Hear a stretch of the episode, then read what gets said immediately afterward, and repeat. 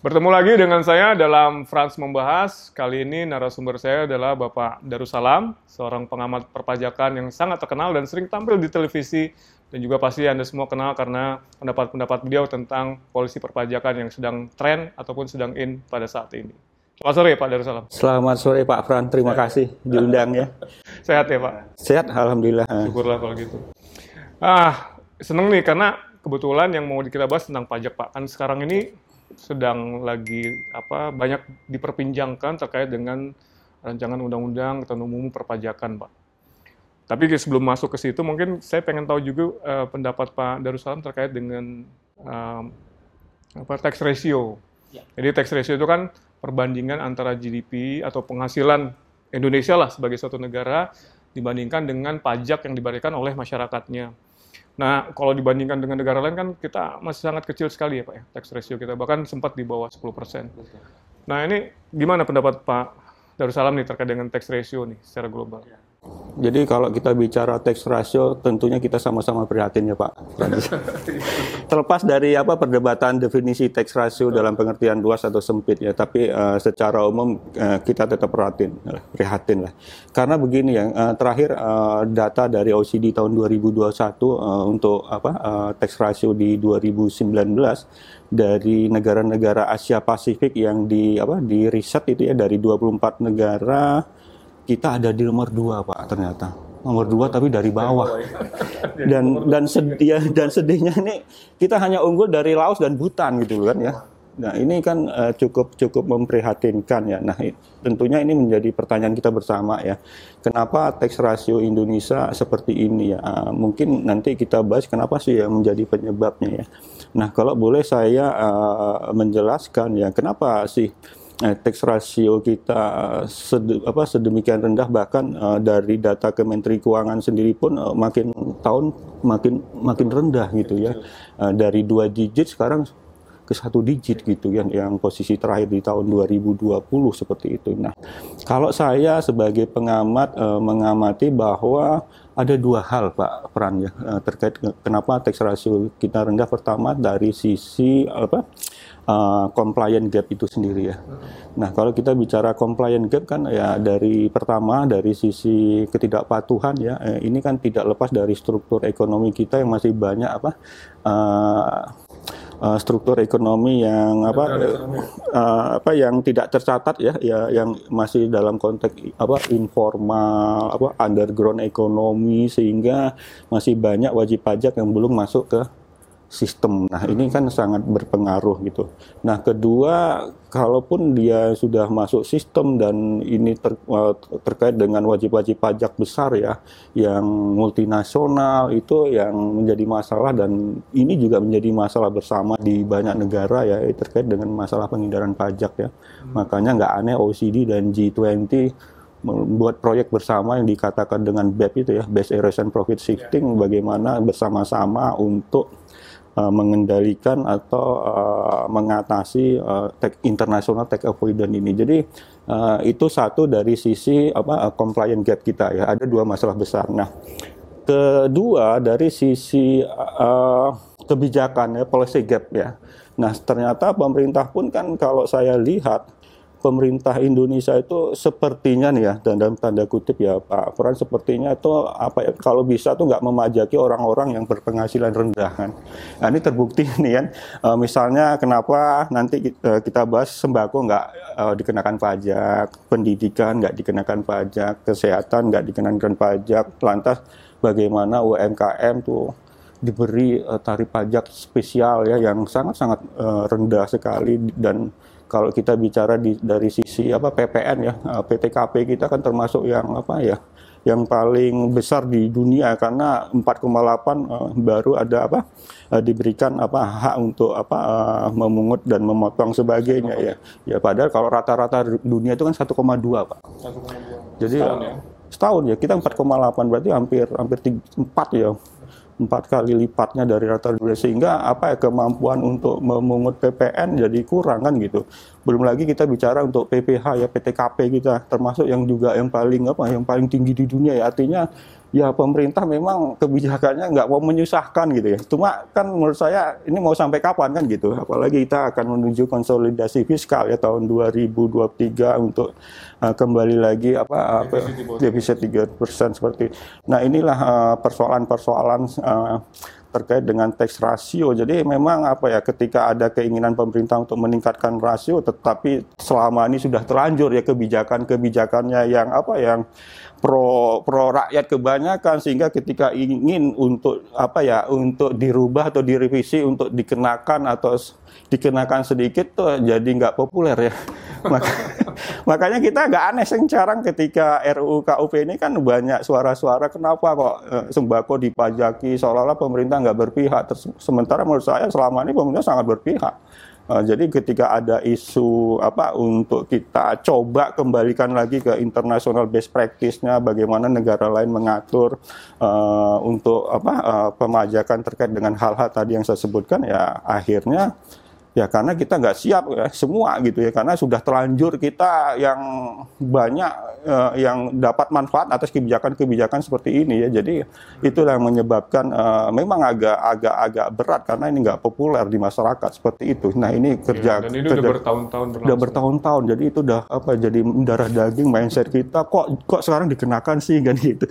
Eh, padahal kan itu kalau kita bicara misalnya aja kan kalau bicara uh, sesuatu yang seharusnya secara internasional best practice itu dikenakan yang eh, di apa dalam konteks secara teori apa yang tax expenditure itu ya belanja perpajakan kan angka kita untuk tahun 2019 kan sangat besar tuh 275 triliun kan itu kan sesuatu itu yang kayak semacam subsidi lah kepada subsidi ya, subsidi. Nah itu kan kalau kita bicara di international best practice kan sesuatu yang dikenakan, cuma mungkin Indonesia mengambil apa kebijakan lain kan seperti itu. Nah hal-hal inilah yang mungkin nanti kita coba apa ya eh, kaji bersama. Mungkin ada hal-hal yang nggak perlu lagi ada fasilitas subsidi kita kembalikan lagi ke internal best practice sehingga dapat apa eh, meningkatkan tax ratio kita. Tapi ya memang harus berani karena tapi lagi-lagi nggak populer. Nah ini ini persoalan besar di kita tuh ini lah menurut saya ya Pak Frans. Jadi memang paling besar tadi dua itu Pak ya dari compliance gap-nya dari sisi underground ekonomi ataupun yang informal, ya. kemudian dari dari dari yang multinational company-nya juga banyak yang tax avoidance dan lain sebagainya. Sedangkan dari regulation gap-nya itu lebih banyak uh, beberapa dikecualikan, kemudian juga ada yang belum dikenakan dan lain sebagainya. Nah, mumpung bicara soal itu nih Pak, ini masih hangat juga nih terkait dengan kan ada rencana nih di dalam Undang-Undang KUP itu pengenaan PPN terhadap tadi Bapak sudah menyebutkan sebenarnya jasa pendidikan, jasa kesehatan, dan sembako tuh yang paling ya. heboh gitu ya. Iya, iya, iya, Kira-kira gimana sih Pak filosofinya kenapa harus dikenakan? Tadi kan Bapak sudah menyebutkan memang kalau dari international best practice dikenakan. Tapi ada nggak alasan lain kira-kira yang selain penerimaan, selain international best practice yang kira-kira oh sebenarnya harusnya bayar ya gitu. Kira-kira seperti apa Pak? Iya, jadi kan kita bicara yang heboh saat ini kan masalah PPN ya, PPN atas sembako, pendidikan sama kesehatan ya antara lain ya tiga itu yang eh, mengemuka ya di publik gitu. Nah menurut saya kan gini nih Pak Pran, kalau kita bicara PPN itu kan kita bicara berbeda dengan PPH. Kalau PPN itu kan objeknya atas barang dan jasa. Dia nggak peduli siapa yang apa belanja, siapa yang konsumsi, siapa yang menerima manfaat. Beda kan dengan PPH. miskin juga nggak Iya nggak peduli kan itu nature kan gitu Pak Pran. Beda kan dengan PPH kan gitu kan. Kalau PPH kan ya seseorang kena pajak atau tidak kan atas dasar kemampuan ability to pay-nya kan gitu. Nah Nah ini ada dua perbedaan yang kita harus paham dulu dari sifat nature-nya sehingga kalau secara umum sebenarnya PPN itu ya dibilang apa ya nggak adil kan gitu memang nature-nya gitu. Karena apa? Kalaupun eh, di, sekarang kan kita coba untuk kenakan kan orang bilang nggak adil nanti masyarakat kecil kok dikena pajak. Nah sekarang saya balik kalau ini nggak dikenakan, berarti masyarakat yang kemampuan tinggi juga nggak kena pajak, nggak adil juga kan Pak? ya, ya, ya, jadi nggak akan pernah selesai perdebatannya kalau dibawa ke ranah adil atau tidak adil Pak Pran. Karena nature-nya memang PPN itu nggak peduli masalah kemampuan. Nah ini yang kita, ya kita lihat, ini kita harus paham dulu. Karena kalau kita nggak paham, kita akan berdebat kusir terus Pak Pran. Ya. Kalau perdebatannya sekarang di DPR misalnya, adil tak adil tuh mungkin nggak akan pernah putus jadi RUU KUP. Ini pendapat saya ya. Nah, Nah, kalau menurut saya ya, uh, ini ada menarik nih Pak Fran ya, nah, temuan dari apa uh, hasil riset ya tahun 2021 ini keluar uh, atas 31 negara Pak Fran, negara-negara berkembang. Berarti kan kita masuk di situ ya, tapi Indonesia bukan bagian dari riset.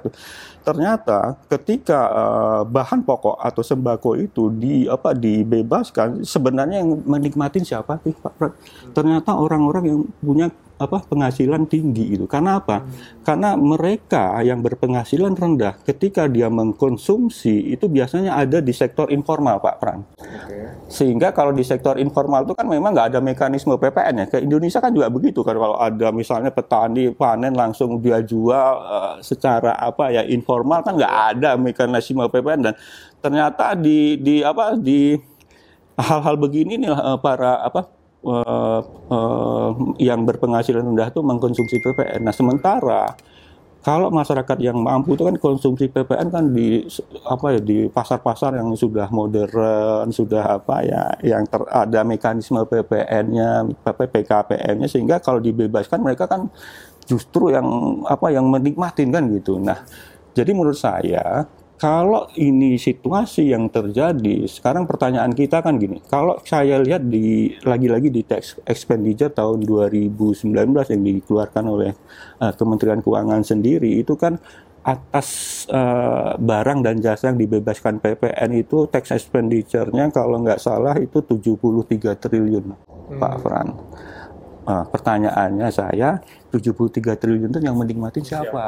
Ini kan. Kalau saya boleh milih nih Pak Frans, saya lebih senang dikenakan, lantas kita bagikan kepada mereka-mereka yang yang tidak mampu tadi kan yang terkena atas kebijakan ini kan daripada kita nggak dapat yang 73 triliun itu loh Pak Fran. Menurut saya loh dari itu kita ambil, kita berikan lagi dalam bentuk subsidi kan gitu kan. Nah ini ini ini ini ini ini pilihan seperti itu. Nah makanya sekarang uh, perdebatan kita mau dibawa ke mana gitu kan? Ini kata kuncinya di situ. Jadi kalau saya boleh uh, menyarankan dan ini juga saya sampaikan kepada ketika saya diminta sebagai narasumber di, di DPR RI terkait dengan uh, polemik ini, kalau saya bilang kenakan saja, lantas kita redistribusikan kembali kepada mereka-mereka yang berpenghasilan apa rendah yang terkena dari kebijakan ini karena itulah fungsi utama pajak kan? Redistribusi ya. penghasilan daripada kita nggak kenakan kita berdua sebenarnya ingin bayar pajak nih Pak Pram tapi oleh pemerintah nggak dikenakan. Sebenarnya kan kita nggak layak dapat dapat apa subsidi ini kan? Ya kita nggak layak kan Pak Pram sebenarnya kita ingin nyumbang loh jadi sebenarnya banyak uh, kita sebenarnya ingin memberikan kontribusi lebih kepada negara, tetapi negara uh, uh, dengan alasan tertentu atau alasan apalah kita nggak dikenakan pajak gitu. Sebenarnya kita ingin ingin bayar pajak untuk uh, memberikan kepada mereka-mereka yang memang layak untuk dapatkan itu. Itu menurut pendapat saya Pak Frans. Dan bisa juga nanti mungkin pengenaannya berdasarkan leveling ya Pak. Misalnya pendidikan yang mahal aja dan nilai tertentu atau jasa kesehatan rumah sakit rumah sakit yang mungkin mahal-mahal baru yang kena gitu pak. Ya. Kayak sembako mungkin yang daging yang daging yang kelas mewah baru kena gitu kan pak. Jadi kalaupun misalnya mau dibilang dari sisi keadilan mungkin dari sisi itu juga bisa.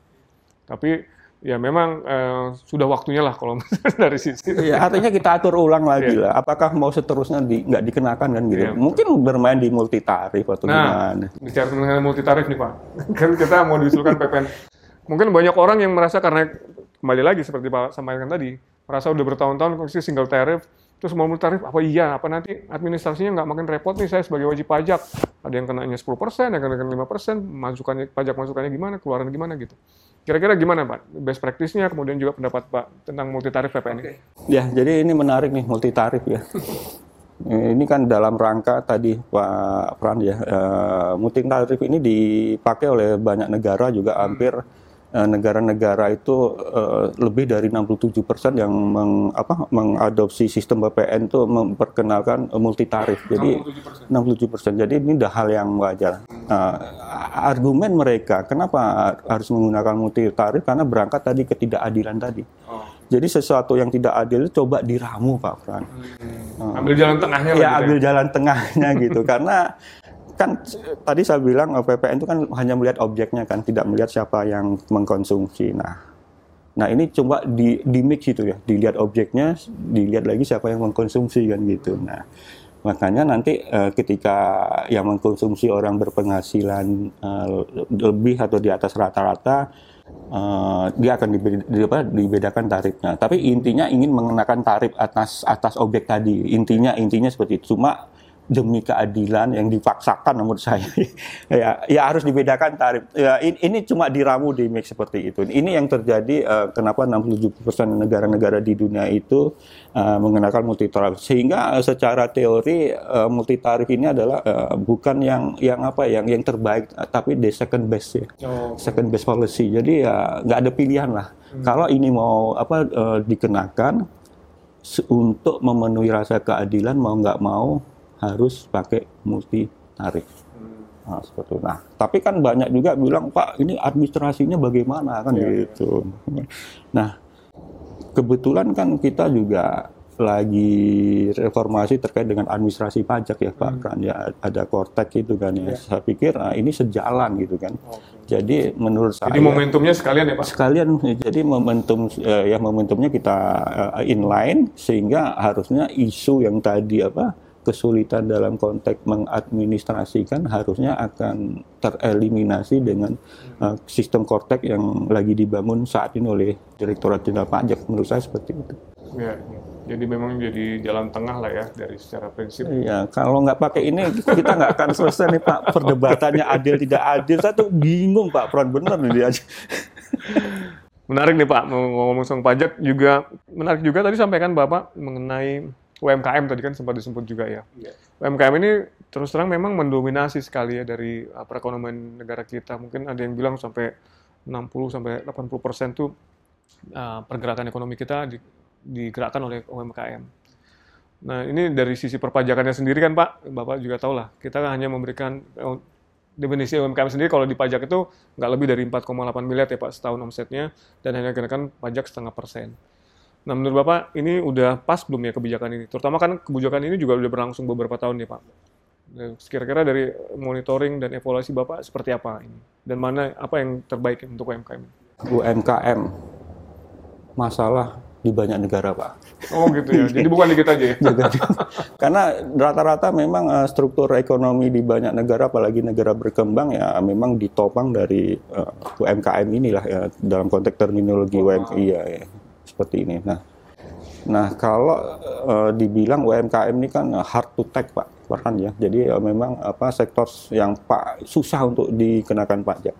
Makanya uh, di awal-awal uh, bagaimana UMKM ini uh, mau apa bisa dikenakan pajak ya mereka bikin apa yang dinamakan presumptive tax gitu ya Pak. Kan ya artinya dibuat rejim uh, khusus, rejim spesial uh, yang memang diberikan kepada UMKM yang dalam bahasa kita itu adalah presumptive tax itu seperti PPh final lah itu ya. Nah, cuma apakah PPh finalnya akan diberikan teruskan itu permasalahan. Nah, Tentunya kan tidak ya Pak Fran. Jadi artinya kalau ini diberlakukan terus berarti kan nggak ada apa tidak ada perbaikan dalam UMKM itu sendiri kan. Jadi adanya pembiaran kan gitu. Jadi uh, mereka nggak di, dirangsang untuk maju ya.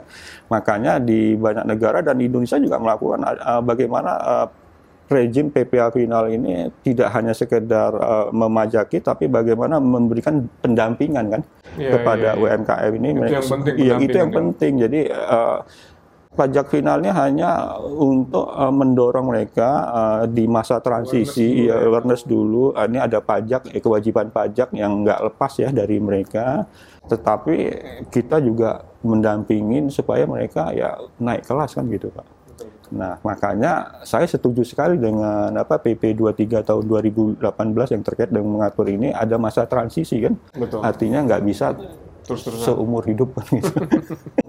Masa kan gitu. Tapi ya. banyak yang nggak tahu tuh Pak kayaknya. Dikiranya selamanya gitu. ya harusnya kan kita dorong mereka eh, tidak size-nya lebih besar lagi kan. Nah, ketika size-nya lebih besar, mereka mengerti apa masalah pembukuan, mereka mengerti masalah administrasi ya pelan-pelan ya mereka kita ajarkan bagaimana melakukan pembukuannya, akuntansinya seperti apa yang sederhana sehingga mereka dengan mudah menghitung apa uh, profitnya kan karena uh, sehingga mereka uh, di masa uh, yang dipersyaratkan bisa uh, suatu saat untuk berubah uh, menghitung labanya atas apa sorry uh, berdasarkan profit uh, net profit kan gitu kan sehingga dari situ pajak masuk uh, sebagai ketentuan umum seperti itu. dan menurut saya ini udah, udah bagus ya menurut saya dan itu udah lagi-lagi kalau saya bicara international best practice ya artinya masa Indonesia nggak ngikutin perkembangan kan gitu masa mau jalan di tempat terus ya, ya. sedangkan negara lain sudah jauh nih berkembang Pak Fran kan gitu. Iya, menarik memang kalau bicara soal MKM. Nah, ini ada lagi nih uh, mengenai Pak Darussalam sendiri nih Pak. Boleh ya Pak ya? uh, beliau uh, bekerja selama kurang lebih 10 tahun ya Pak? 10 tahun. 10 tahun di Dijen Pajak, pada mulai masuk tahun 1993, 10 tahun bekerja, kemudian sekolah, memang sekolah mendirikan D, Dani DDTC ya, Dani Darussalam Tax Center Pak ya. Dan yang saya salut dan uh, apresiasi karena beliau tidak hanya menjadi uh, membuka konsultan, tapi juga menyekolahkan para para pegawainya dan juga membuat buku, membuat literatur yang menjadi rujukan dari banyak orang. Nah ini apa sih Pak? Kenapa sih Bapak membuat seperti itu Pak? Kan kebanyakan kalau orang jadi konsultan ya konsultan aja lah, nggak usah yang lain-lain gitu. Karena ada hal-hal yang apa ya, yang menjadi visi misi wah. Oh. Nggak, ya artinya gini ya Artinya ketika saya dulu pernah bekerja di pajak dan sekarang ada di luar itu tidak berubah lah uh, tujuannya, tujuan uh, dalam konteks pajaknya ya. Bagaimana uh, kita bersama-sama apa uh, mema, apa masyarakat pajak ya, mengedukasi masyarakat untuk mengerti pajak. Jadi nggak berubah soal tujuan Pak dari dulu masih di DJP. Karena sebenarnya kalau makin banyak orang tahu tentang pajak, Bapak juga terbantu juga Pak ya? Iya, ya semua ya itu makanya uh, ya, kita bagaimana lit literasi ya. Uh, jadi uh, sebenarnya kan pajak di Indonesia ini kan juga apa ya hanya terbatas ya orang yang paham pajak hmm. gitu ya. Nah ini ini apa uh, kerja yang keras yang harus kita lakukan bersama-sama antara DJP maupun dengan uh, stakeholder lainnya ya bagaimana mengedukasi dan meliterasi pajak ini gitu ya. Dan ini nggak gampang ternyata gitu. Makanya tadi juga pengaruh dengan tax ratio tadi kan. Kepatuhan pajak karena nggak ngerti pajak pak Pran yeah. itu itu masalahnya. Makanya tugas bersama. Jadi nggak ada berbeda pak. Eh, tujuan uh, baik dulu maupun uh, sekarang ya terkait dengan uh, saya. Nah tadi sempat Pak Fran bilang ya, uh, memang betul Pak Fran ya, saya itu uh, mendirikan DDTC ini tidak semata-mata hanya terkait dengan konsultasi pajak, tapi ada apa uh, visi dan misi yang saya emban ya. Bagi, hmm. Tadi terkait dengan edukasi.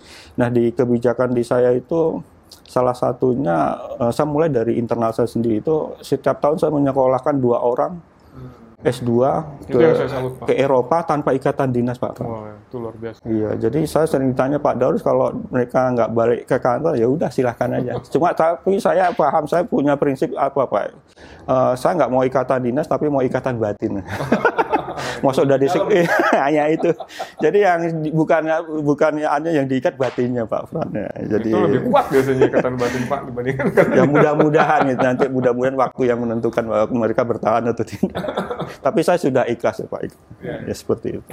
Terus kan sempat juga ini Pak apa namanya mengembangkan sayap lah ibaratnya untuk ada bikin portal berita juga Pak. Itu gimana ceritanya itu Pak? Ya tadi itu tidak lepas dari apa ya ini edukasi, edukasi, edukasi. Ya? Jadi saya ingin pajak itu diberitakan secara seimbang lah ya. Hmm. Jangan selama ini kan kalau saya perhatikan eh, yang dipilih eh, berita-berita yang tertentu gitu kan ya. Hmm. Eh, karena ya mau nggak mau kan kalau persaingan di media itu kan banyak-banyakan yang baca kan itu itu kan uh, akan menaikkan peringkat. Ya, sekarang saya sudah tahu lah bagaimana peringkat satu media itu ya jadi kita harus cari berita-berita yang memang pengunjungnya banyak. Nah, tapi kan ketika kita bicara pajak kan nggak nggak nggak harus seperti itu ya Pak Pran, karena banyak juga sisi-sisi pajak yang bagus dan dan itu banyak dan kita harus seimbang gitu. Hmm. kita harus beritakan juga Pak Pran seperti itu. Jadi ada keseimbangan lah berita. Nah itu yang visi saya sehingga kesan pajak di masyarakat itu ya ya apa ya berimbang. Saya, saya ingin berimbang nggak gitu sehingga kejadian yang hari-hari ini seperti tadi Pak apa isu sembako kok sekarang dikenakan. Itu kalau kita cerita eh, kita runut tadi dari nature-nya yang memang nggak adil sementara ketika dibikin apa orang kaya pun nggak bayar pajak kan ini kan akan berbeda nanti uh, masyarakat memandang. Nah itulah yang saya inginkan. Saya ingin berimbang aja lah Pak Frans. Ini atas nama Dijen Pajak ucapkan terima kasih nih Pak. Tapi kalau profesi apa namanya peng, apa, bukan pengamat konsultan pajak sendiri ke depan masih oke lah Pak ya. Jadi kalau dikatakan ke depan bagaimana dengan profesi konsultan pajak itu justru dibutuhkan kehadirannya Pak. Hmm. Jadi uh, konsultan pajak itu sebagai intermediary ya, antara otoritas pajak dengan wajib pajak. Ini kan dua sosok otoritas dan wajib pajak ini kan kepentingannya ber berbeda Pak Fran. Hmm. Kalau dari otoritas pajak ya selalu uh, bagaimana mengumpulkan kan uh, untuk penerimaan negara di samping itu kan uh, selain itu kalau wajib pajak kan yang masih sampai sekarang itu kan wajib apa pajak itu adalah kewajiban ya pajak itu adalah cost nah ini bagaimana nih titik temunya nah inilah tugasnya uh, konsulan pajak nah tetapi dalam konteks Indonesia jumlah konsultan pajak itu memprihatinkan pak, pak. sedikit ya ya kalau kita compare dengan jumlah penduduk di Indonesia nah di Indonesia ini data no, per November 2020 jumlah konsultan pajak itu hanya 5.500. Wow. Kalau kita bandingkan dengan jumlah penduduk, kita itu uh, perbandingan yang 48 ribuan, Pak. Pak. Dan ini sangat luar biasa ya kita kekurangan. Ya, saya coba bandingkan dengan Italia, Pak ya. Italia itu jumlah konsultan pajak itu 110 ribu, Pak kalau di compare dengan jumlah penduduknya rasionya 1.600 eh, banding satu. Coba bayangkan dengan kita 48 ribu. Tetangga kita misalnya Malaysia, jumlahnya memang di bawah Indonesia. Kalau Indonesia tadi kan 5.500, mereka 3.000. Tapi kalau dibandingkan dengan jumlah penduduk, itu uh, populasinya 10.600 kira-kira seperti itu. Nah, jadi tugas pemerintah adalah bagaimana memperbanyak konsultan pajak secara kuantitas tetapi tetap menjaga dari sisi kualitas dan uh, uh, etikanya kan seperti itu. Inilah tugas pemerintah. Makanya uh, tugas pemerintah adalah bagaimana nih pajak ini untuk menelurkan konsultan-konsultan pajak yang tadi ya, yang berkualitas, yang banyak dan ber, uh, mempunyai kode etik itu adalah bagaimana pemerintah bisa mengembangkan jurusan-jurusan pajak yang ada di kampus-kampus ya. Ini menjadi apa harapan kita sehingga uh, pajak ini bisa apa ya dipelajari seperti uh, keilmuan lain gitu kan. Karena kalau saya coba bandingkan kan yang punya jurusan pajak itu kan nggak banyak eh di Indonesia ya, masih sedikit. Nah, walaupun memang pajak itu multidisiplin ilmu, tetapi dengan jumlah segitu yang sedikit dan dibandingkan dengan peran ya Pak ya peran pajak sebagai tulang punggung APBN kita ini kan nggak match gitu loh Pak Pran. Nah ini ini ini, ini tugas bersama kita nih Pak Pran. Bagaimana uh, pajak Karena secara prinsip uh, konsultan pajak sebagai partner ya Pak. Partner iya. Ya ya dan itu juga menjadi salah satu PR kita sih di Dijen Pajak supaya juga karena dengan menjadikannya partner akan lebih banyak lagi yang teredukasi secara eh, ininya secara apa uh, literasinya tadi itu. Jadi secara prospek masih masih sangat besar ya Pak dan juga masih banyak Makanya betah di profesi ini. gitu ya. Karena ya ya kita harus sama-sama lah tujuannya sama Pak Pran, tujuannya sama dengan yang di, apa oleh dilakukan pemerintah. Makasih banyak nih Pak Darussalam sudah bersedia hadir dan ngobrol-ngobrol. Sangat bermanfaat. Mudah-mudahan bermanfaat juga buat yang menyaksikan. Amin, amin. Makasih ya Pak, sampai ketemu lagi. Ya, Pak Frans. Makasih. Ya.